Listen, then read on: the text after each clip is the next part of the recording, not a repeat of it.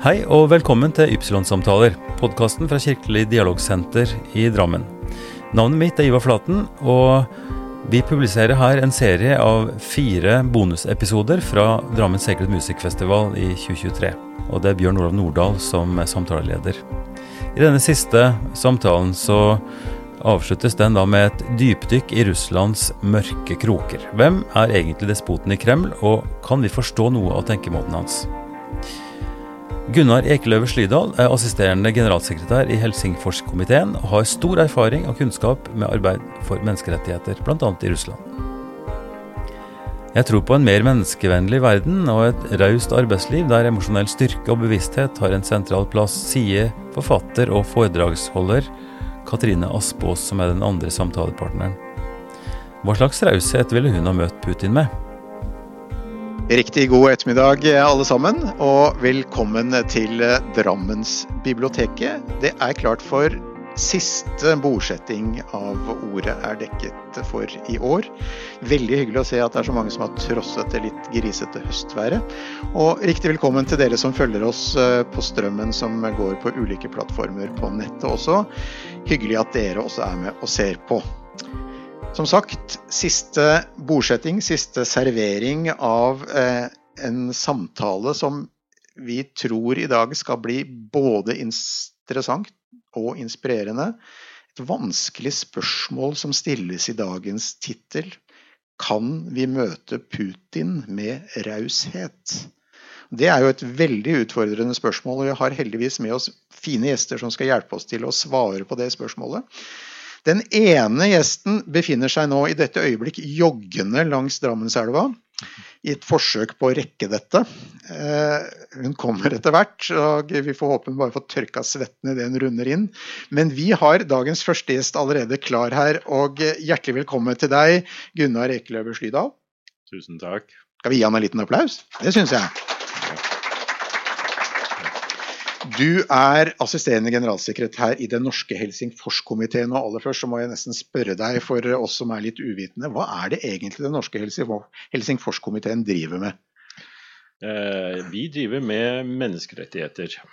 Så du kan egentlig si eh, at Helsingfors i vårt navn betyr menneskerettigheter. Mm.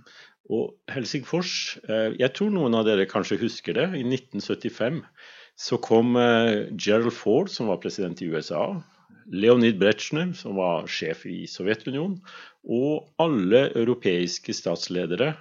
Jeg lurer på om det var Bratteli fra Norge, jeg er ikke sikker. 75? Nei. Eh, Korvald, kanskje? Korvald, ja. Eh, det var ett land som ikke var med, det var Albania. Mhm. De var mer opptatt av Kina. Enver Hoga holdt seg hjemme. Han holdt seg hjemme. Men alle de andre, og det var jo stort sett bare menn, ja.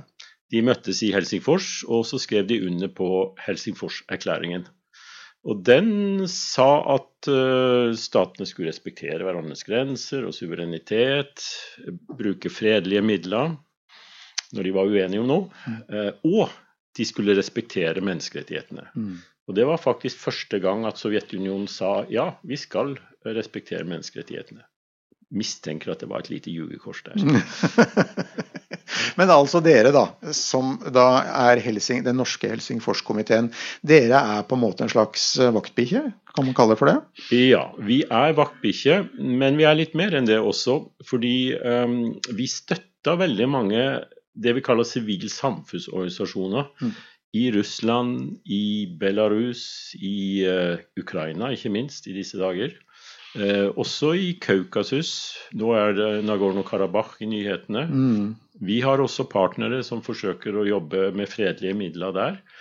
Og eh, til forskjell fra veldig mange andre vestlige menneskerettsorganisasjoner, så har vi også tilstedeværelse i Sentral-Asia. Det er ikke sikkert dere har vært der, men det er en veldig interessant region. Det, liksom det er altså den regionen med alle de vanskelige navnene? Ja, det er Stanlandet. Ja, det er vi. Så, uh, men eh, noen husker kanskje um, den der fantastiske skøytebanen i Almata. Mm. Sten Stensen fra Drammen satte verdensrekord der. Ikke sant? Mm. Det ligger jo ved en by, og i den byen, Almata, der har vi et kontor. Mm. Og vi jobber også med å støtte fremveksten av sivilt samfunn der. Vi er litt sånn norskinspirerte, for dette med sivilt samfunn det var det som førte til demokrati i Norge. Mm. Men du, da?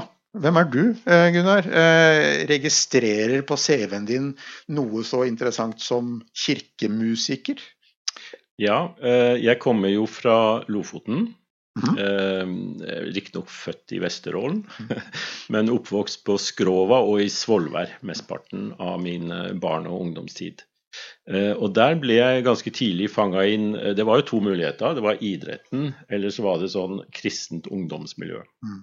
Og jeg prøvde å kombinere det, men det ble mest or orgelspill. Så, gi ungene et orgel før fotballen tar dem, er det omtrent ja, sånn? Ja. Det var det mine foreldre ønska, og de var litt skeptiske til alle skadene man pådrar seg på fotballbanen. Ikke minst de mentale skadene, ja. ja. Eh, men altså eh, Jeg snakka litt med deg på forhånd, og det er jo sånn at mora mi er fra nabotettstedet eh, Kabelvåg. Mm. Og da sa du at de har den fineste kirka, nemlig Lofotkatedralen, men der har du spilt? jeg er veldig stolt av å ha spilt der. Det er en fantastisk trekirke. Mm. Plass til 1200. Og den er aldri full lenger. Mm. Men den var det i gamle dager under lofotfisket. Ja. Da kan jeg tenke dere 1200 som eh, stemmer i. Det, det var nok ganske flott. Mm. Du, en av de tingene som gjør at vi har invitert deg, det er at du har jobba i Helsingforskomiteen. Det skal sies at du er universitetsutdanna, du har eh, interessante fag i fagkretsen som matcher det du jobber med. Eh, men en av de tingene du har jobba veldig mye med, det er det som kalles for forsoning. Eh, og Det er jo et veldig vanskelig ord i disse tider hvor det er mye aggresjon ute og går, og vi har fått krigen på dørstokken helt inntil oss her i Europa. Eh, og jeg har lyst nå at vi skal gjøre noen sånne reiser, noen mentale reiser. og Vi skal begynne litt bakover i tid, og så skal vi prøve å ende opp der hvor vi er i dag. Fordi eh, noe av hensikten med disse samtalene er jo ikke bare at vi skal høre koselige historier fra folks barndom og uh, anekdoter, men vi skal prøve å bli litt klokere også. Og hvis vi nå skal konsentrere oss litt om Ukraina, så har jeg lyst til å lansere et begrep som heter holdomor. Mm. Kan du forklare hva holdomor er for noe? Ja, det er et uh, forferdelig uh, periode i Ukrainas historie. Um, ordet betyr egentlig utryddelse ved sult. Um, så den korteste måten å forklare hva det var på, er å si at det var en politisk påført sultkatastrofe. Og det er ulike anslag hvor mange som døde. Men eh, et sånt nøkternt anslag er at det var fem millioner mennesker, altså nesten hele Norges befolkning, som døde pga. den politikken som Stalin førte, eh, i, sammen med arrestasjoner og regelrette drap. Og den politikken var jo at man tok jorda fra de som eide jorda, og laga sånne kollektivbruk. Og Det førte til en drastisk nedgang i produksjon, samtidig som Sovjetunionen skulle um, eksportere korn. Det var viktig for økonomien. Så vi i Vesten kjøpte korn fra Sovjetunionen, mens bøndene i Ukraina sulta til døde fordi kornet ble tatt fra dem. Så dette var en politisk villet katastrofe hvor man ikke bare tok kornet fra bøndene, men de tok såkornet også? De tok såkornet også, og um, Stalin var opptatt av at Ukraina skulle bli fullt og helt i Sovjetunionen. I, uh, I, denne kaotiske fasen etter revolusjonen så hadde noen prøvd å lage en egen ukrainsk stat. Så han var også ute etter å svekke på en måte de kreftene i Ukraina som, som var opptatt av ukrainsk selvstendighet og kultur. Så det var sult pga. denne kollektiviseringa, men også pga. en politisk kamp, kan man si, mot ukrainsk identitet. For det må jo være ganske krevende å være ukrainsk bonde og ha såkorn som skal i jorda neste år, og så kommer altså apparatskikkene inn på gården og henter såkornet bokstavelig talt ut av hendene på deg. Og det var realiteten. Så de fleste som døde, de var på landsbygda, der man egentlig produserte maten. Og Dette vet vi om fra altså Dette bringer jo noen uh, tanker fram i dagens situasjon også, hvor Ukraina på mange måter har vært uh, et kornkammer. Ikke bare for Europa, men ikke minst for store regioner i Øst-Afrika mm. som har vært avhengig av kornet. Men grunnen til at jeg bringer fram Holdemor, Holdemor, det er at det har blitt en verkebyll i europe, europeisk historie.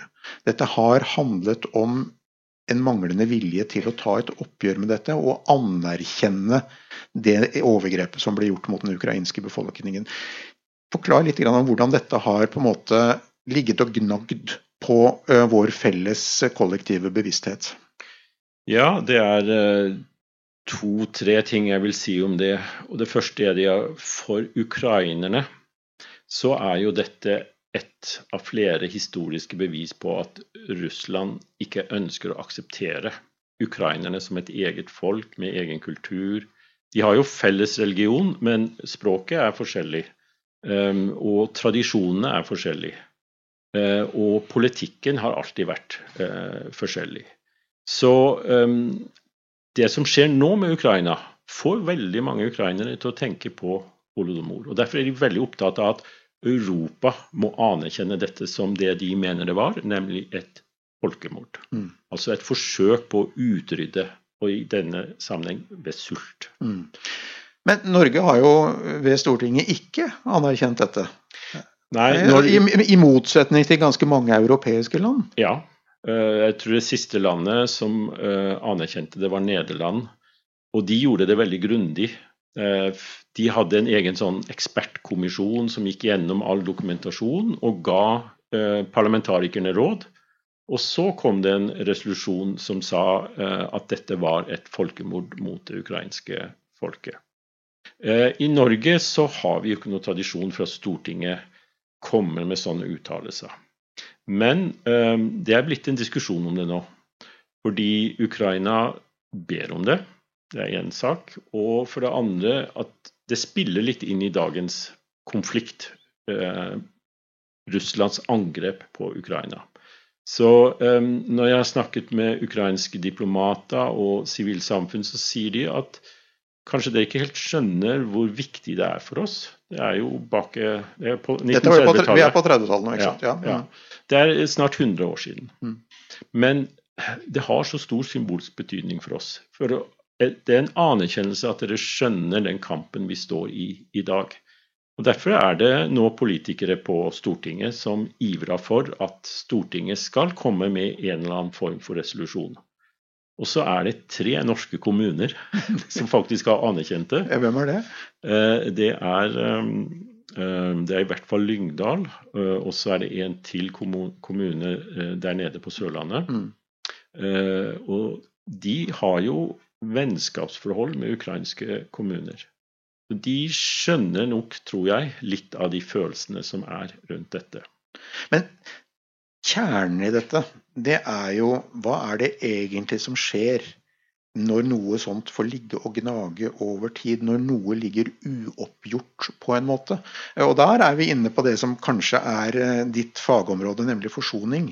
Er det mulig med forsoning hvis sånne ting får lov til å ligge og gnage? Eh, I Helsingforskomiteen så lærte vi veldig mye av Bosnia-konflikten. Mm. Eh, og all den uretten som ble begått der.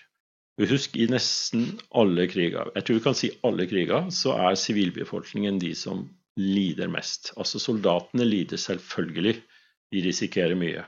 Men så er det alle de som ikke deltar i konflikten, men som likevel blir veldig hardt rammet av den. Og Det var tilfellet i Bosnia og nå i Ukraina. Mm.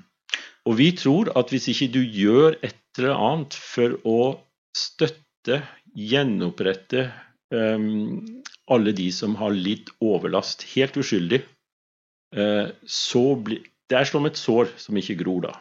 Um, og det tror jeg man kan se i Ukraina med holodomor. Det er ikke noe man glemmer.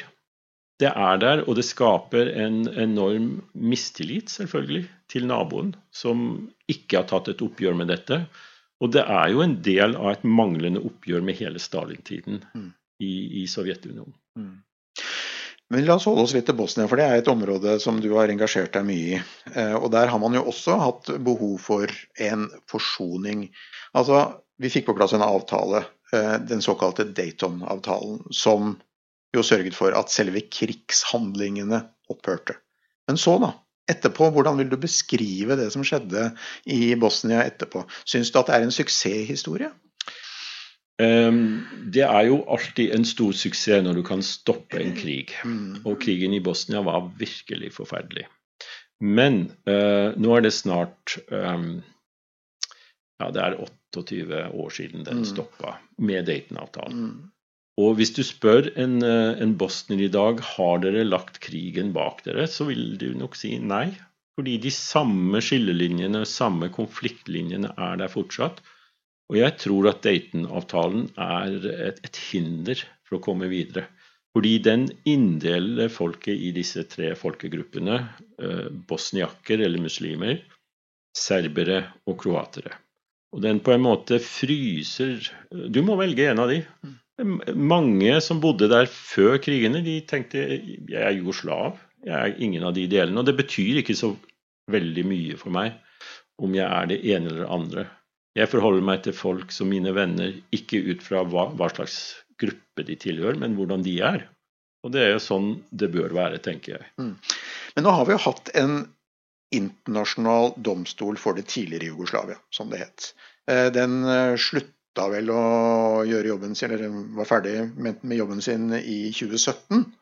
Eh, og man kan jo tenke seg at det rettsoppgjøret til dels er med på å sette ting på plass, at noen får ansvar for det som er blitt gjort. Men er det tilstrekkelig, tenker du? Nei, og disse tingene diskuterte jeg jo mye med en drammenser. En drammenser, faktisk? Ja, faktisk, som jobba hos oss. Uh, han var fra Mostar i Bosnia. Mm. Enver Duliman. Kanskje noen har hørt om han. Han var ganske aktiv her i lokalmiljøet også. Mm. Han døde dessverre altfor tidlig av sykdom. Eh, og jeg lærte det med forsoning av han. Det var ikke jeg som lærte han det. Mm. Og han kom jo fra konflikten, men han sa Gunnar, ja, vi må ha rettferdighet. De som gjorde forbrytelser, må straffes.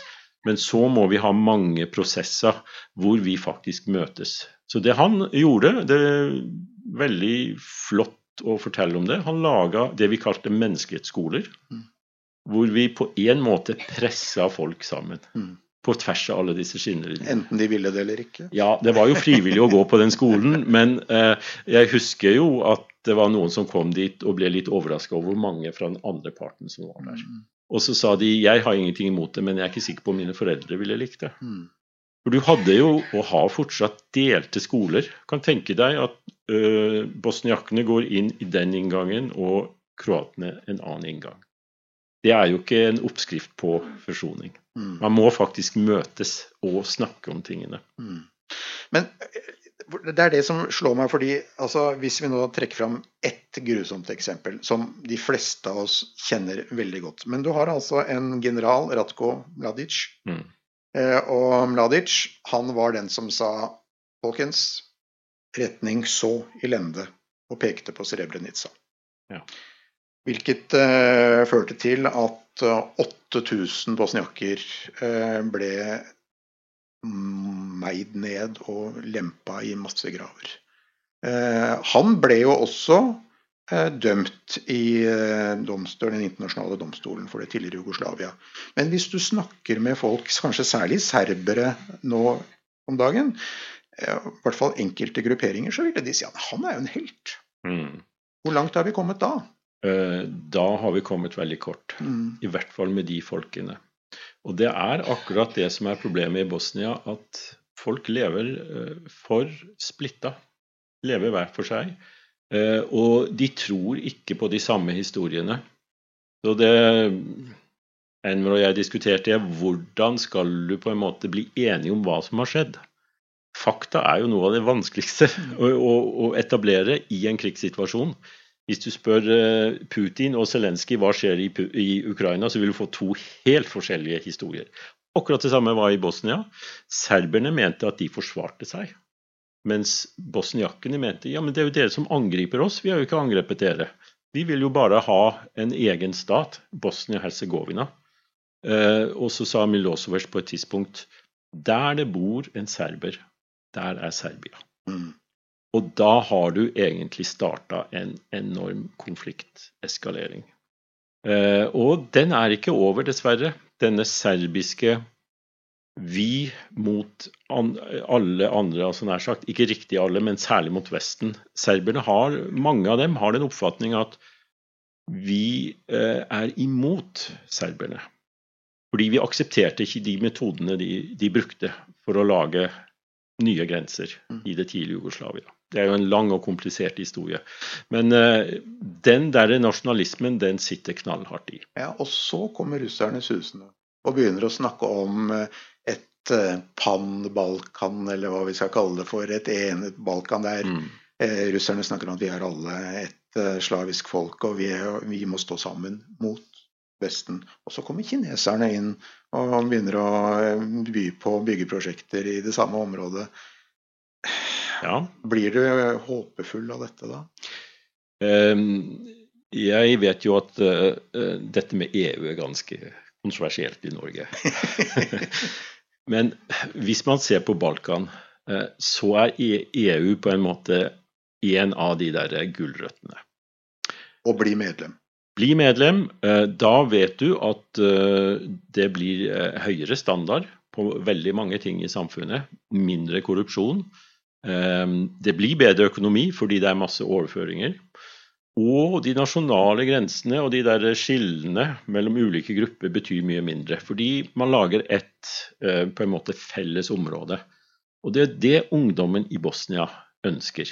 De vil bli med i dette europeiske fellesskapet. De vil gjerne dra til, ja, til og med til Norge og få utdanning. Mm. De har hørt at vi har gode universiteter her. Vi har mange bosniske unge som har studert her. og Problemet er de drar ikke tilbake fordi det landet fungerer så dårlig. Mm, ja, og Grunnen til at de ikke drar tilbake, er vel også det at de har opplevd at eh, når de som bosniakker f.eks. har søkt på enten jobber eller studieplasser eller hva det måtte være, så blir de diskriminert fordi de har en eller annen etnisk bakgrunn. Ja, det er dessverre sånn i Bosnia at det er ikke den flinkeste som får jobben. Det er den som tilhører den gruppen, som kanskje tilhører en eh, viktig familie, Ehm, det er en oppskrift for ikke å få til en god utvikling, vil jeg si, i et mm. land. Nei, og da er jo liksom spørsmålet, da skal jeg liksom bare da synke ned i stolen og tenke at dette er håpløst. Hvordan skal man få til forsoning? Det første, uh, hvis man skal få til forsoning, det er at man aldri må tenke at det er håpløst. Mm. Det er alltid mulig å få til forsoning. Det er mitt premiss. Og det var det Enver uh, Juliman også mente. Det er vanskelig, men det er mulig. Og man må tenke de små skritt. Hvis noen som eh, ikke har møttes før, fordi de har veldig sånne uh, stygge tanker om hverandre, hvis de møtes og finner ut at nei, han er jo helt grei, han kan jeg jo stole på, og vi kan bli venner vi hadde så mange sånne opplevelser på disse menneskeskolene. Så jeg tror hvis man starter med å få slutt på disse delte skolene, hvis man eh, fikser litt på daten, sånn at det ikke betyr noe om du er serber eller kroat eller bosnier for din politiske karriere, med mulighetene til å stille til valg. Ta sånne små skritt, så kan Bosnia gradvis bli et hva mange bosniere sa til meg, vi ønsker bare et normalt land. Et normalt land. Mm. Men eh, det virker jo som at uh, altså, Jeg blir jo imponert over at du kan beholde optimismen uh, med det bakteppet og den erfaringen vi har, og når vi vet da at det ligger ganske mye begravet og det får faktisk uttrykk også gjennom uh, relativt nasjonalistiske ekstreme grupperinger. Mm. Likevel så er du litt optimist også? Ja, du kan jo si jeg er betalt for det også, siden jeg jobber i en sånn organisasjon. Eh, men eh, det jeg har sett, er at i alle de samfunnene som Hvis du bare følger nyhetene, så ser det håpløst ut. Nyhetene er jo de er veldig negative. Jeg beklager det. Men eh, hvis du går litt under overflaten der, så ser du at det er mange gode krefter. Og da tenker jeg litt på norsk historie også. Her har også vært harde konflikter. Eh, men det har vært gode krefter som har sett at ja, vi er uenige, men vi kan være uenige på en litt bedre måte. Eh, og de kreftene finner du også i Bosnia. Jeg tror ikke vi i Norge kan på en måte redde Bosnia. Se på oss som et eksempel, bare gjør sånn som vi. Det går ikke. Mm. Kanskje de kan la seg inspirere av noen ting, Um, I hvert fall ikke aksjehandel, men bortsett fra det, så Nei, nei altså eh, Hadde det skjedd i Bosnia, jeg tror ikke de hadde heva øyebrynet. Nei, nei, altså korrupsjon og sånn. Hvis du er der på toppen, ja, da kan du gjøre og trikse. Kan du, da kan du ta mer enn 3600 handler. Ja, jeg tror det. det er, uh, mm. Men du, altså, dette fører oss jo til det store spørsmålet som jo mange av oss nå sikkert går og grunner på. Nå har vi snakka om tidlig ukrainsk historie, vi har snakka om Bosnia, Balkan. Vi kunne ha snakka om eh, Rwanda for den saks skyld. Eh, men vi skal jo snakke om framtida, fordi på et eller annet tidspunkt så får vi jo tro at den krigen i Ukraina tar slutt. Mm. Og da er jo spørsmålet hva da? Eh, du driver og snakker, har jeg sett, om det som du kaller for det andre Russland. Mm. Forklar hva du mener. Det Russland som vi kjenner i mediene i hele Vesten, det er veldig prega av Putin. Vladimir Putin. Og Det er et litt uforsonlig Russland, som står på noen krav. Ehm, noe av det første Putin sa da han ble president, det var at sammenbruddet til Sovjetunionen var den største geopolitiske katastrofen i det 20. århundre. Og da sa han jo egentlig dette har jeg tenkt å gjøre noe med. Mm. Det er det ene Russland. Uh, og det er et veldig korrupt Russland. Um, det er et ganske rikt Russland. Russland har jo enorme ressurser. Og det er et ganske avansert uh, stat når det gjelder militære og ja, teknologi på en, på en rekke områder. Men det er ikke et Russland som løfter folket opp fra fattigdom. Hvis du da drar ut av Moskva eller St. Petersburg ut på landsbygda, så er kontrasten enorm. Det er så mange underutvikla deler av Russland, og det ville jo ikke en demokratisk statsleder ha overlevd. Han ville jo ikke ha blitt valgt hvis han ikke eh, Ja, la oss tenke at eh, Erna eller Jonas bare hadde utvikla Oslo og Bergen og kanskje Drammen, mm. og så drite i resten av landet. Mm. Det hadde ikke gått. Men i Russland så kommer han på en måte unna det. Men det finnes da et annet Russland. Og det er alle de folkene som ikke godtar det. Som vil ha et, en stat, eller kanskje mindre stater. Det er noen som mener det også, at Russland er for stort. Men hvis du sier det til Putin, så eh, Nei, ikke gjør det. Men de ønsker seg en stat og en kommune og en eh, region som prioriterer å bygge skoler, gode veier, sykehus, hvor det ikke er så korrupt. At du alltid må bestikke noen for å få de der tjenestene som du trenger. Og Det er jo ingen veldig få som vet eller tror at det andre Russland som du snakker om, eh, faktisk eksisterer. Og Det er jo noe av det som er problemet her, er at vi har fått et slags skal vi si, entydig bilde av Putins Russland. Det er det vi forholder oss til, og det er det vi boikotter. og Det er de vi nekter visum, og det er de vi nekter eh, altså at russiske biler skal kjøre inn i enten det er i landet vårt eller andre EU-land. ikke sant? Mm. Hvordan vil du beskrive de folka dere har kontakt med som representerer det andre Russland? altså er de mange? Har de noe de skulle ha sagt? Det, altså, hva slags kraft er det i dem? Ja, det er jo um, Noen av dem er ekstremt imponerende. Det er um, De fikk jo da Nobels fredspris i fjor, uh, en av disse gruppene vi samarbeider med, Memorial. Og de jobber med to ting. De jobber med å dra frem den virkelige historien, uh, altså også Stalins overgrep. Ehm, og holodomor og alt det fæle som skjedde i sovjettiden.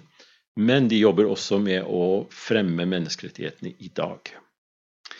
Ehm, der har du personer som har jobba for menneskerettigheter helt tilbake til sovjettiden. Ehm, men så er det også yngre generasjoner. Jeg glemmer aldri jeg var på valgobservasjon i Russland. Og Putin jukser som bare rakkeren altså, mm. i valg. Han busser inn folk og betaler de og sier hvis du ikke stemmer sånn og sånn, så mister du jobben, og presser og ja, manipulerer. Men det var tusenvis av unge studenter som var rundt omkring i hele Russland, filma det som skjedde i valglokalene, og var helt bestemt på at Vi skal avdekke Putins juks. Det var sånn 25-30 år gamle studenter. Godt utdanna. Eh, og ikke glem da at selv om mediene i Russland er styrt av Putin og Kreml, så finnes det internett. Og der får de tilgang til alternativ informasjon. Og mange av de unge snakker også godt engelsk. Så de, de skjønner ganske mye av hva som skjer. Hvis du skal sette et tall på det, eh, så har du jo en gruppe som er ekstremt aktive. Noen av dem er i fengsel nå. Fordi de kritiserte krigen mot Ukraina. Kanskje, kanskje, vi snakker om 15 000. Det er ikke så mye i et land med 140-145 millioner. Men så har du mange grupper i tillegg til det som er mer og mindre aktive, og som er misfornøyde. Eh, problemet i dag er at hvis du går ut og protesterer litt synlig, så er jeg veldig sikker at du havna i politiets varetekt og muligens i fengsel for en lang tid. Så det er klart, det, det, det demper dette andre Russland ganske mm. hardt. En annen ting som har skjedd, er jo at når Putin begynte å mobilisere, så var det veldig mange som ikke ville delta i krigen. Så en del av det andre Russland er kommet til oss. De har greid det. Eh, jeg vil tro at det er snakk om flere titalls millioner mennesker som egentlig er veldig misfornøyd. Både med styret internt i Russland og med krigen mot Ukraina. Samtidig så er det noe Vi skal runde litt av akkurat denne biten nå, men vi må liksom prøve å nøste dette litt sammen. fordi det er jo en historie som fortelles her. Putin har det som kalles for et narrativ, eller en fortelling om Russland. Mm. Og er jo relativt populær i en del av befolkningen som har kjøpt denne fortellingen. Og Hvis du sammenligner han med Milosevic, da, eh, den eh, mm. gamle serbiske lederen, så som sa at der det snakkes serbisk, eh, der er Serbia. Ja. Eh, Putin har litt den samme fortellingen, altså at eh, Russland, det er oss mot dem. Mm. Det fins en, en, interessant amerikansk historiker som heter Timothy Schneider, som har forska mye på Russlands selvbilde og Putins fortelling om Russland. Og han sier det litt sånn tabloid at fortellingen om oss er at vi er en gjeng vestlige kaffe latte-drikkende, homofile, dekadente mennesker som ikke vil noe annet enn å ødelegge den russiske kulturen og det russiske mennesket. Og da er jo spørsmålet hva gjør vi med den fortellingen? Uh, ja, det er jo uh, Det aller viktigste er jo å la noen russere komme hit og se hvordan det er. Uh, og det har jo skjedd mye der. Jeg har leilighet i Tyrkia, mm. og hvem møter jeg der? Jo, det er russere. Men det er blitt færre russere som kommer til Europa etter krigen mot Ukraina. Det ble trappa opp så, så, radikalt i februar i fjor. Fordi det er blitt mye vanskelig for dem å komme på visum, og få visum til både Norge, men resten av Europa også. Så, og så er det å ta imot russiske studenter. Jeg er bekymra for at vi i denne krigssituasjonen stenger russerne inne. Og det er noen som tar til orde for det, for de mener at nå må russerne først bekjempe Putin, og så er de velkommen til Europa. Mm. Mens jeg tenker at for å støtte dem i deres kamp mot dette aggressive styret, så må de være velkommen her. Eh, vi har mange kolleger som eh, fortsatt er i Russland. Men de sier til oss det å ha et visum som gjør at vi kan reise ut når det begynner å brenne under beina på oss, det er veldig viktig. Da holder vi ut lenger, og vi vet at vi kan reise til Europa og kanskje reise tilbake igjen når ting har roa seg litt. Ehm, dette prøver vi å si også til norske myndigheter. For det er litt motstrøms, akkurat det der? Det er motstrøms. Og det er um, Man har litt for lett til å tenke um, alle over én kam, tror jeg. Og så er Norge og resten av Europa veldig redd for asylsøkere. Så når vi sier kan dere ikke la i hvert fall disse demokratiske kreftene få komme til oss uh, når de trenger det, så, uh, så, kommer justisministeren og sier at uh, nei, vi er veldig opptatt av dette med at visum ikke skal være en måte å kunne søke asyl på. Ja, men det er vi enig i, sier vi. Men de kommer ikke hit for å søke asyl. Det er altså så få eksempler på det. De kommer hit for å lade batteriene, de. For de vil, ha, de vil at deres eget land skal bli bedre. Så vi har litt å gå på. Altså, i, altså kanskje altså, Det du beskriver, er at vi må komme oss litt bak den historien som Putin forteller, og ja. se at det finnes en annen historie bak der. Ja. I dag har jeg en veldig god kollega som er i Brussel og sier akkurat dette til EU. Eh, støtt Ukraina, for all del. Ukraina er den uskyldige parten i denne krigen. De er totalt moralsk overlegne. Men slå ikke alle russere over én kam. Det finnes et annet Russland, og de må vi støtte. Russland er jo uh, ute av Europarådet. Så hvor skal vi møte russere i dagens uh, Europa? Uh, vi er også med i en kampanje som sier til Europarådet det er riktig at Russland ble ekskludert, for de brøt alle reglene. Men det må ikke bety at alle russere er ekskludert. Lag et forum hvor også de russiske demokratiske kreftene kan komme og møte de eh, likesinnede europeiske demokratiforkjemperne. Mm. Takk for det, Gunnar. Vi skal hente inn den eh, neste gjesten, som eh, tror har fått tørka svetten og er klar til å komme på scenen. Det er Katrine Aspås, forfatter, foredragsholder og også tidligere journalist. Velkommen skal du være til Drammen, Katrine.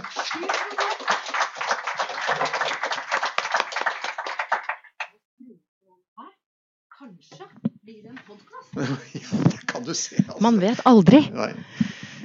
Bare lyd i mikrofonen din. Det vet jeg ikke. Ja. ja. Hyggelig, hyggelig, at du har kommet. Eh, du parkerte litt feil, skjønte jeg, så det ble, det ble litt stress for deg. De drev og bygde på Bragernes torg, ja. så der står bikkja mi. Sånn litt langt uti. Ja. Du, for å eh, bruke en beskrivelse av deg selv som du ga for en stund siden. Eh, før så var du en sint, kjip og bitter finansjournalist i Aftenposten. Ja. ja. Eh, det er fort gjort å bli det når man er opptatt av hva som er feil. Ja. Eh, og jeg var en av de som blei det. Ja. Du jobba 18 år som finansjournalist i Aftenposten? Ja. Ja. Det gjorde jeg. Og, og ble surere og kjipere og sintere? For, altså, jeg, jeg, la merke til at jeg etter hvert ble et menneske som jeg ikke kjente igjen. Mm. Jeg ble så skeptisk. Jeg trodde alle var hadde Jeg trodde verden var ond, og de fleste var slemme. Så jeg Jeg ble faktisk eh, ganske sjuk av det til slutt. Det, jeg, så jeg er så utrolig takknemlig for Det er en av de tingene jeg tenkte på da jeg kjørte hit. Jeg er så takknemlig for at vi har en fri presse i det landet her. Altså Virkelig bare si det også. Og så gjorde jeg mitt, og så har jeg gjort eh, resten utafor. Ja, fordi du beskriver liksom eh, deg sjøl og eh, det som skjedde med deg i løpet av oppveksten, og du har gått på Handelshøyskolen i Bergen og blitt siviløkonom. At det var en sånn rustning som du bygde opp rundt deg, og inni der fantes en annen Katrine enn den rustningen som du brukte for å beskytte deg mot omverdenen. Jeg har skjønt det i ettertid, at jeg tok på meg en rustning av eh, mastergrader, av eh, utdannelse, av litt sånn kynisme. Eh, for det var en Jeg skjønte at det hadde høy standing. Det å se litt negativt på verden, det hadde ganske høy prestisje i Der hvor jeg ferdes. Og så tenkte jeg hm, kanskje Jeg kjente meg ikke igjen i det der lenger. Og så tenkte jeg kanskje det fins intelligent liv på utsiden av redaksjoner. Ja. Og guri, der er det mye bra liv, altså. Ja, hvis, vi skal, hvis, vi nå skal gå til en slags oppvåkning her, da, så kan vi jo vi kan gå til, skal vi gå en, en tur i Operaen, eh, hvor du leda en sesjon eh, for litteraturfolk. Skal vi eh, dit? Ja, hvor du var ordstyrer. Ja. Og så betrodde du akkurat forsamlingen den dagen at du hadde en litt dårlig dag, for søstera di hadde bursdag. Og det var ikke noe greit å tenke på. Fordi hun var så innmari vellykka. Og du var så innmari misunnelig.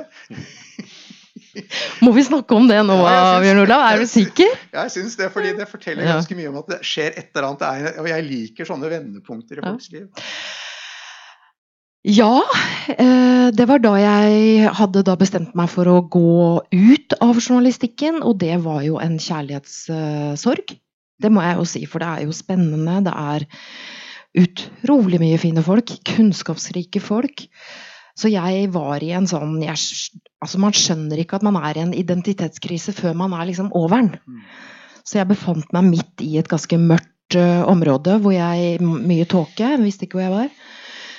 Uh, og da hadde jo søstera mi bursdag. da, Hun var 50 år, og hun har jo Hun lever jo med mannen sin, som hun traff i sjette klasse på barneskolen.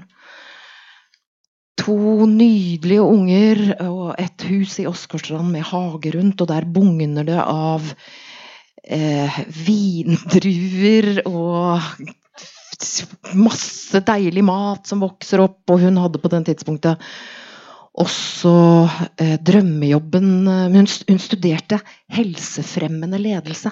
Altså, det var liksom hun, Alt var på stell. Og jeg var jo da singel og barnløs og uten jobb. Nei, men du hadde bikkje? Ja!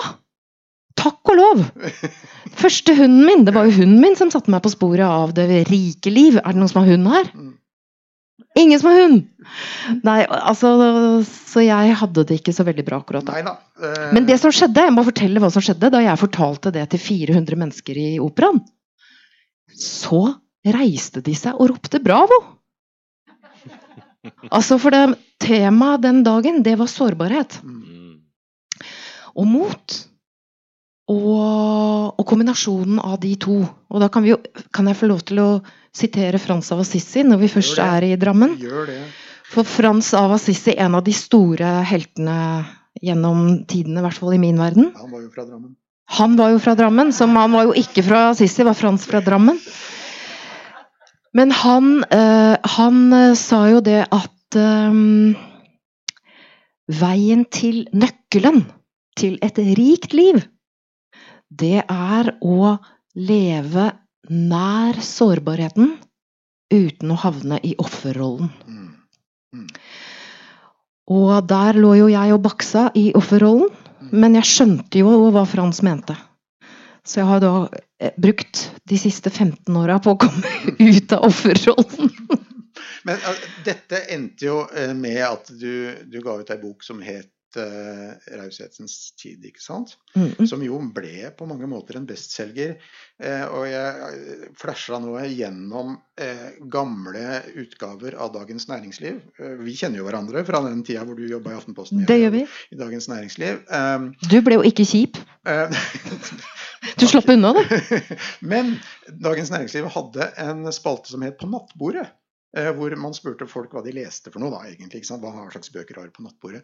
Og i den perioden hvor den boka kom ut, så var det stadig flere ledere i Norge som sa jeg leser 'Raushetens tid' av Katrine Aspås.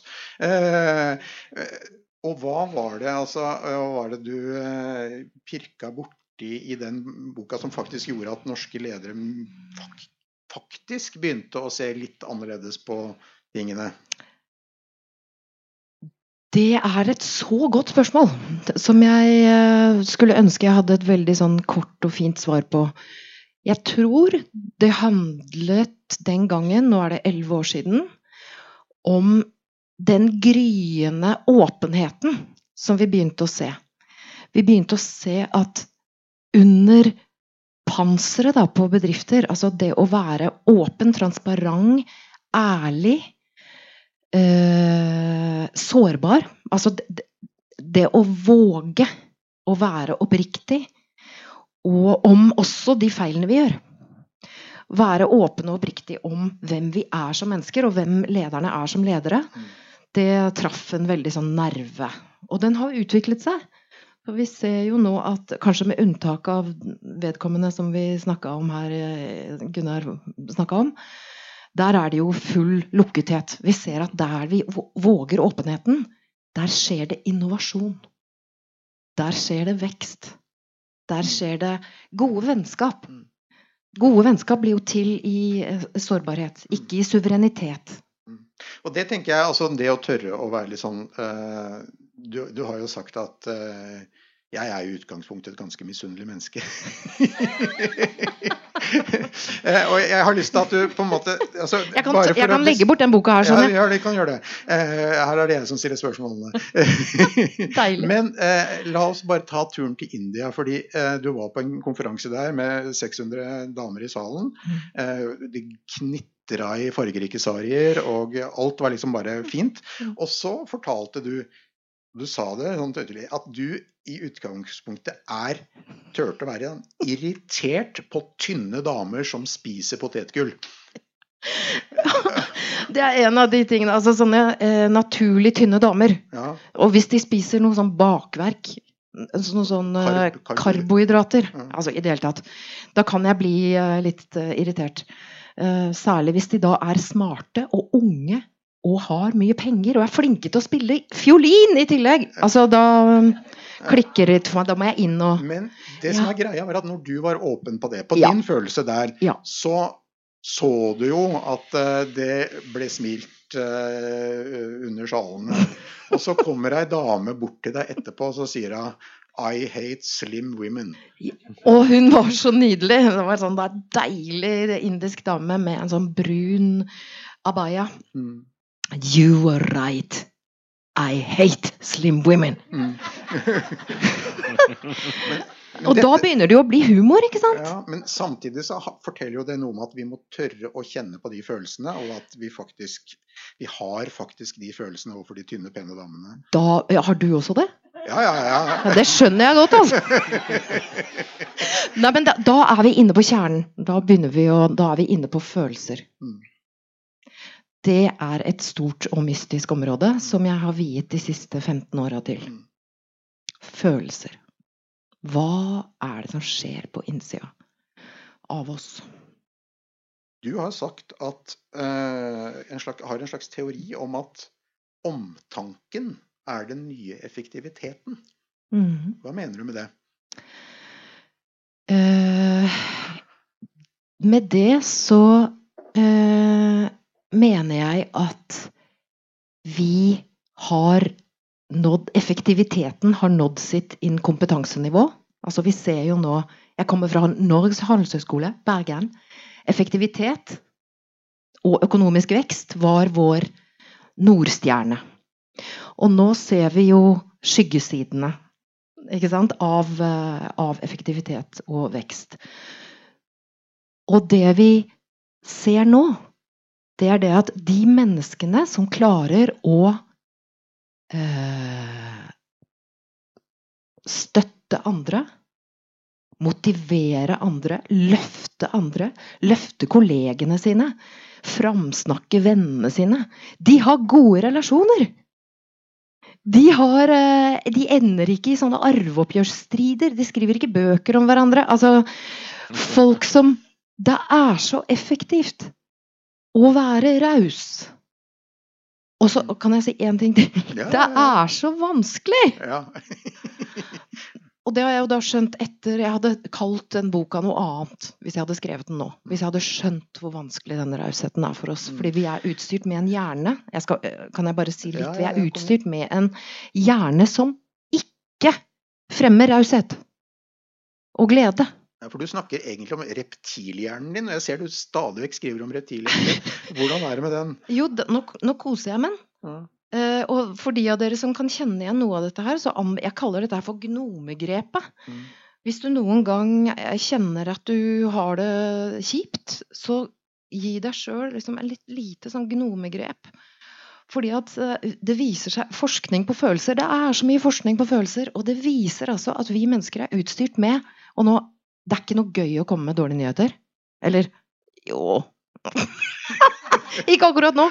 Men vi er altså født med 70% ubehagelige følelser. Og det er fordi vi skulle holde oss i live. Eh, så de som Så selv om vi har det egentlig veldig bra, så har vi de negative? Ja. Og det er veldig lett å skremme oss. Det er veldig lett å splitte oss. Det er veldig lett for ledere da, som uh, spiller på frykt, å vinne. Dessverre, foreløpig. Men nå begynner jo disse, denne kunnskapen å, å, å, nå inn i klasserommene, inn i skolen. Begynner forskningen på følelser og forskningen på relasjon. Og inn i ledelse. Så det er, eh, det er nye tider, altså. Selv om vi kan, som du sier, bli litt deprimerte av å følge med i nyhetene. Så det er egentlig så ville verden Altså NRK Nå, nå kommer jeg med en liten sånn brannbulle. Mm -hmm. Det ville vært riktigere det ville vært riktigere bilde av verden om NRK sendte Dagsrevyen én gang i uka og Norge Rundt hver dag. Ja, vi kan diskutere det etterpå. Men, men, eh, men det, altså, jeg har notert meg at du skriver følgende Det å lykkes på andres bekostning, det å komme til målet ved å tråkke over dem vi møter på veien, er umoderne. Ja, det er veldig umoderne. Og, og, det, og da har Det er et menneske som har det ganske dårlig. Men er det ikke sånn markedet, det berømte markedet som du har studert i fire år på mm. Handelshøyskolen, er det ikke sånn det virker? Eh, jo Å nei! Da kan vi gå inn i spillteori. Men jeg er ikke sikker på om vi skal til spillteori. Mm. Eh, men det er, det er hele tiden relasjon det handler om. Og det er jo også snakk om at vi ønsker jo de aller beste folka å være sammen med. Vi ønsker de beste folka å jobbe sammen med. Og det er ikke folk som tråkker over andre. Er det noen som har hørt om Adam Grant? Professor ved Wharton uh, School business, of yes. Business. Han har skrevet en bok som heter Give and Take, om givere. Noen av oss er givere, noen av oss er tagere. Ikke sant? Og noen er matchere. Det er sånn, noen ønsker å gi, og sånn Hva kan jeg gjøre for deg? Tagerne er 'hva kan du gjøre for meg?' Og matcherne er 'la oss bytte tjenester'. Og hvem av dem er mest effektiv? Nå, det ligger liksom i kortene. Ja, Det er et retorisk spørsmål. Ja, det er jo egentlig det. Men det er helt klart at de som er lykkes best som ledere, lykkes best i, i, i ekteskapene sine, altså i veldig mange sammenhenger, det er giverne. Og så er det dessverre også giverne som er lett å utnytte. Så givere som er gode på å sette grenser, det er knallfolk. Og um, dette her er jo en sånn utvikling vi ser i lederskap. Så Oslo Business Forum handler om sårbarhet. Neste uke, Oslo Business Forum, 6000 dresser som møtes på um, Gardermoen. Men du, kan vi få snakke om uh, Russland? Ja, vi skal snakke om det. Det er det som er poenget mitt. Jeg skal dit, skjønner du. Jeg skal dit! Jeg kjenner meg litt ivrig. Ja, fordi eh, jeg har jo lyst til å snakke om fiendebilder eh, og hvordan vi ser på Russland og hvordan vi ser på Putin. Og så vet jeg jo at eh, jeg kan trigge noe hos deg hvis jeg, hvis jeg bare sier ja, har du kjent på din indre Putin i det siste? Mm. For det handler jo om et fiendebilde, dette. Det gjør det. Og altså, kan jeg sånn spole litt tilbake? Fordi jeg har lyst til å invitere til noe. For du har jo gitt meg en bestilling, Bjørn Olav. Mm -hmm. Og det er jo kan du Altså, du har gitt meg en bestilling jeg ikke har lyst til å levere. Mm. For det du har bestilt, er kan du sette Putin i perspektiv? Mm. Kan du forstå Kan du hvordan kan, vi, møte det mer Noe raushet kan vi gi? Går det an? Ja. Og jeg kjenner jo på en motstand her jeg sitter. Jeg har jo ikke lyst til det i det hele tatt. Eh, det er veldig vanskelig. Det er mye lettere å dømme. Mye, mye lettere å dømme. Men så har jeg lyst til å invitere alle sammen som er her, til å velge det vanskelige. Det letteste er å bli sinna, øh, kjenne forakt kjenne altså virkelig dårlige følelser. Men jeg vil invitere til å gjøre det vanskelige. Og da har jeg et spørsmål. Er det Rekk opp hånda her. Rekk opp hånda hvis du kjenner at du er misunnelig på Vladimir Putin. Skulle du gjerne leve livet hans? Ville du gjerne ønsket det livet for noen du er glad i? Altså, da har vi allerede tatt et perspektiv. Mannen har det ikke veldig bra. Du ser han sitte aleine på det lange bordet. Det er et av verdens tristeste bilder. Um, så det er perspektivet. Så tenker jeg, Det er litt interessant fordi når jeg sier, snakker om den indre Putin, så, så hadde du en, eh, en, kompis som la ut et spørsmål på eh, sosiale medier. Ja. Det dreide seg ikke akkurat om Putin, men det kunne like gjerne vært Putin. Han stilte et spørsmål. Uh, kan ikke du dra ja. den historien? For den syns jeg gir oss noen muligheter til å tenke litt annerledes. Det gjør det også. Og det var en kompis av meg etter at Donald Trump ble valgt for første gang. Så var vi jo helt i fistel her borte. Og da var det en smarting, eh, en kompis i, New York, som stilte spørsmålet Hvilke egenskaper hos Donald Trump misliker du sterkt ved deg selv? Og det gøye var å lese svarene nedover der. Og, og der sto det jo for eksempel altså Nå kan jeg svare på min egen del, da. Selvopptatt. Lyst på Hva var det så Innflytelse. Eh, hårsår. Forfengelig. Altså Pynte Jeg har lyst til å pynte på sannheten. Er det noen her som ikke liksom, har lyst til å pynte litt på sannheten? og så er det den der veldig deilige 'jeg vet best'. Sånn at det er også en perspektivtaking her, da, som, eh, som det går an å invitere til. Mm. Men når Putin forteller denne historien som han forteller, om oss og dem, og eh, Gunnar sier at det er en historie som vi nok må ta et oppgjør med. Altså fordi Hvis vi i det hele tatt skal kunne komme videre i denne sameksistensen, som mm. jo må oppstå på et eller annet tidspunkt, så kan vi ikke ha denne historien om oss og dem. Mm. Tror du det er mulig? Hva tror du jeg kommer til å si? Nei, altså, Du er jo blitt et nytt menneske, så jeg har tro på at du når, når, jeg har skrevet en bok om raushet, da er alt mulig. Nei, altså Da er vi jo inne på det som dere snakket om i sted, og det er jo forsoning. Forsoningsarbeid. Og det foregår jo i de fleste liv. På et eller annet nivå. Så det er jo en muskulatur som det går an å trene. Det å drive forsoningsarbeid. Og så eh, svaret er jo ja. Det går an hvis vi lager menneskeskoler. Det er jo eh, noe jeg drømmer om, og det jeg bygger opp sjøl nå, det er nettopp menneskeskoler. Altså det er et senter for menneskekunnskap.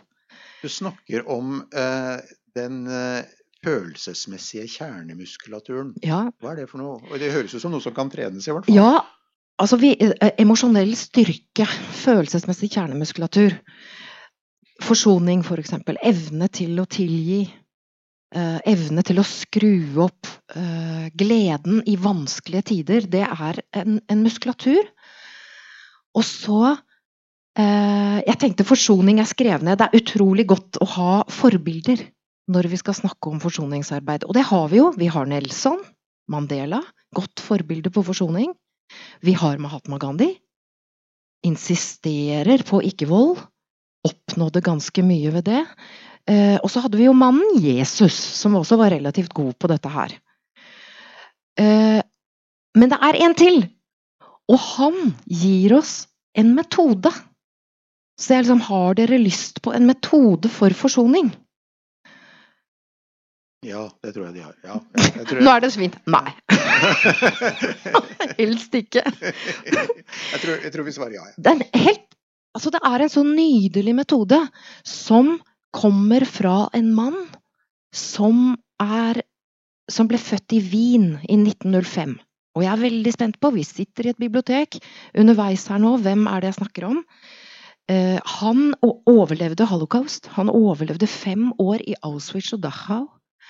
Han, han, han ble Europas fremste uh, psykiater. Har skrevet en bok som helt sikkert står her, på både norsk og engelsk. det er Jeg ganske sikker på, jeg får gåsehud når jeg snakker om den. Uh, det er uh, en bok som heter Man's Search for Meaning. Livet må ha mening. Og mannen er Viktor Frankel. Bra! Mm. Veldig, veldig bra. Viktor Frankel, han skjønte det at hvis jeg skal overleve her, så kan jeg ikke fylle kroppen min med hat. I tillegg til de eh, eh, altså krenkelsene og det helt groteske hverdagslivet han var eh, det han var utsatt for i fem år. Så han har et sitat, og her kommer, her kommer det geniale. Metoden. Det mest kjente sitatet til Viktor Frankel, det er det at mellom stimuli og respons så fins det et rom. Og i det rommet, der er vår vekst og vår frihet. Så hvis noen noen gang spør deg om har vi fri vilje, ja.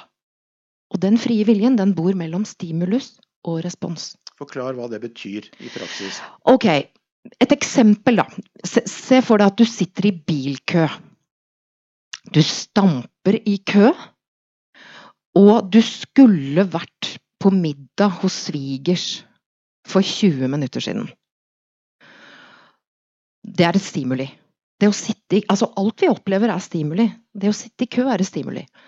Og så er spørsmålet hva fyller du deg sjøl med av tanker og følelser mens du sitter der og vet at du skulle vært et sted for 20 minutter siden, og middagen er varm. Det er om vinteren, det er, så det er saus og poteter og kantareller, og svigerfar har stått og lagd mat hele dagen. Her kan vi velge Jeg bruker det eksempelet nå fordi jeg satt og tenkte på det i kø fra Oslo og hit, for jeg kom jo for seint. Jeg, jeg tenkte hva, hvordan skal jeg fylle livet nå, akkurat her? Og da valgte jeg det lureste jeg vet, det er å bare praktisere takknemlighet. Sånn takk for at jeg lever. Jeg er ikke død takk for at jeg får lov til at Bjørn Olav har spurt meg om å komme hit og snakke om forsoning. Og så forestilte jeg meg dere, hver og en av dere, som de rause eh, menneskene som dere er. Kanskje har noen av dere kommet for seint sjæl. Så jeg, jeg, forestilte meg Jeg ble ikke redd og fortvila, for jeg vet hvor fort det er å være redd og fortvila og bekymra.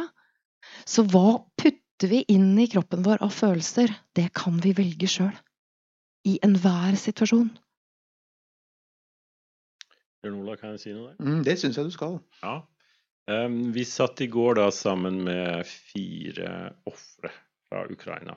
Han ene han ble tatt av russerne og plassert ute i minus 15 grader um, i tre døgn. de tok skoene hans og helte vann i dem og pressa de på han igjen, så han måtte amputere eh, tærne.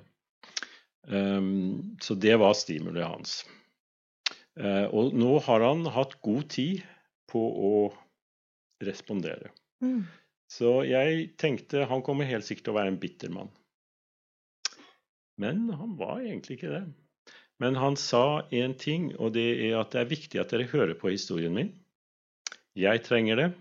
Eh, og det, dere trenger det kanskje også for å vite hva som egentlig skjer. Eh, og så er det en ting til han og veldig mange andre ukrainere sier til oss, i hvert fall. Um, vi vil ikke ha hevn, men vi vil ha en form for rettferdighet. Mm. Så jeg, jeg, jeg, blir veldig imponert over de ukrainerne. Fordi eh, jeg har også møtt mange som har opplevd fæle ting, og de vil egentlig ha hevn og tilføre de andre som gjorde det, den samme smerten.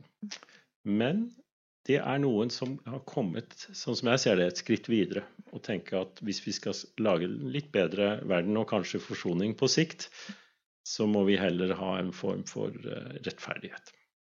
Det er jo en sterk historie. Mm. Og så forståelig å ønske hevn. Altså, det er ikke noe rart i det hele tatt. Så det, å, det er en sånn raushet å lytte til hverandres historier. Lytte til andre menneskers historier. Det er en sånn hverdagsraushet. Men reptilhjernen din sier hevn, ikke sant? Ja, uh, For det, det, ligger uh, naturlig ja, Hevn er søt, sier ja, vi også. Ja, eller uh, ja, nytes best kald, sier noen. Altså, det er mange forskjellige måter. Men og det er, vi syns kan liksom runde av nå, vi har passert timen for lengst. Men uh, dette er jo en veldig fin samtale. Uh, men det jeg lurer på er, hvordan driver du og bearbeider den reptilhjernen din?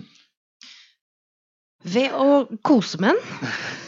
Sånn som jeg gjør nå. Nå, nå koser jeg i nakken. Altså, jeg, jeg, anbefaler det. Det er helt Vi diskuterer ikke lenger om det funker. Harvard og Yale har forklart oss det for lengst. Vi vet det. Og ved å utvikle det som heter prefrontal cortex, fordi at dette er jo den mest det er jo den kloke. Nå ser jeg de aller modigste av dere allerede er i ferd med å ta gnomegrepet. Selv om det ser rart ut en onsdag i Drammen. Men det er altså utrolig virkningsfullt. Så jeg så, så, det er liksom bare en veldig fysisk øvelse. Men det å Vi var innom det her i sted. Å praktisere takknemlighet aktivt komme på alt du kan komme på. Takk for kaffen. Takk for at vi sitter her og er varme. Takk for at vi hadde et valg for å la en uke siden. Takk for at vi har et demokratisk, relativt demokratisk land. Takk for at uh, korrupsjonen er på et minimum. Takk for at vi har en fri presse. Vi kan kjøpe aksjer. Vi kan kjøpe aksjer! Det kan vi. Takk for at vi kan kjøpe aksjer. Takk for at vi har regler som regulerer uh, våre lederes muligheter til å misbruke makt. Altså, og takk for vannet. Så prak, altså, i praksis bare fylle huet og kroppen med de, de tankene. Og så er det én ting til som er litt sånn Altså, det er en, en sirkel av tanker. Hvis du kuppes av bekymring, for det er veldig fort gjort å gjøre. Det er veldig fort gjort å bli kuppa av bekymring for oss. Hvis du kjører bil og merker at du er bekymra for ungene eller bikkja eller verden eller et eller annet, så se om du kan la de her gå på repeat. Og nå har jeg skrevet ned. Det er, en, det er tre setninger som heter metta. Og det er i utgangspunktet en metta-meditasjon. Det er også noe vi vet, at meditasjon er som en Det er som å pusse tenna. Altså, de, de første som begynte å pusse tenna for 100 år siden, ble jo kalt hysteriske og gærne. Jeg holder fortsatt på huet mitt, jeg vet det. Mm. Det å faktisk søke innover og meditere, det er eh, sjelens eh, plakk. Altså det det er, liksom sjelens uh, tannpuss. Sjelpuss. Og der er det tre setninger. Og jeg bare inviterer Måtte vi være friske? En setning. Måtte vi være trygge? Måtte vi leve i fred med oss sjøl og hverandre? Mm. Og ønske det. La det gå på repeat istedenfor åh, åssen går det med hm, hm, Hva mente han med det? Nei, hvorfor sa jeg det? Nei, har jeg sagt noe gærent nå? Mm. Dette er bare, jeg bare sender direkte fra min egen reptilhjerne. Mm. Måtte vi Og så her kommer en fjerde, kjenner jeg. Måtte vi sammen finne gode løsninger for alt som lever. Det er beroligende. Det styrker altså prefrontal cortex. Demper uh, skrekk og gru-senteret. Jeg tror vi avslutter med de fire setningene. Jeg syns det var fint å ta med seg videre, Gunnar. Jeg likte dem. Ja. Tusen takk for alle dere som har fulgt Ordet er dekket eh, i 2023. Skal ikke se bort ifra at vi dekker på bordet igjen eh, neste høst. Og så vil jeg bare si tusen takk for at dere har kommet og hørt på Ordet er dekket. Det har vært en glede å være sammen med dere. Og så sier jeg tusen takk for i kveld, og tusen takk til disse flotte gjestene.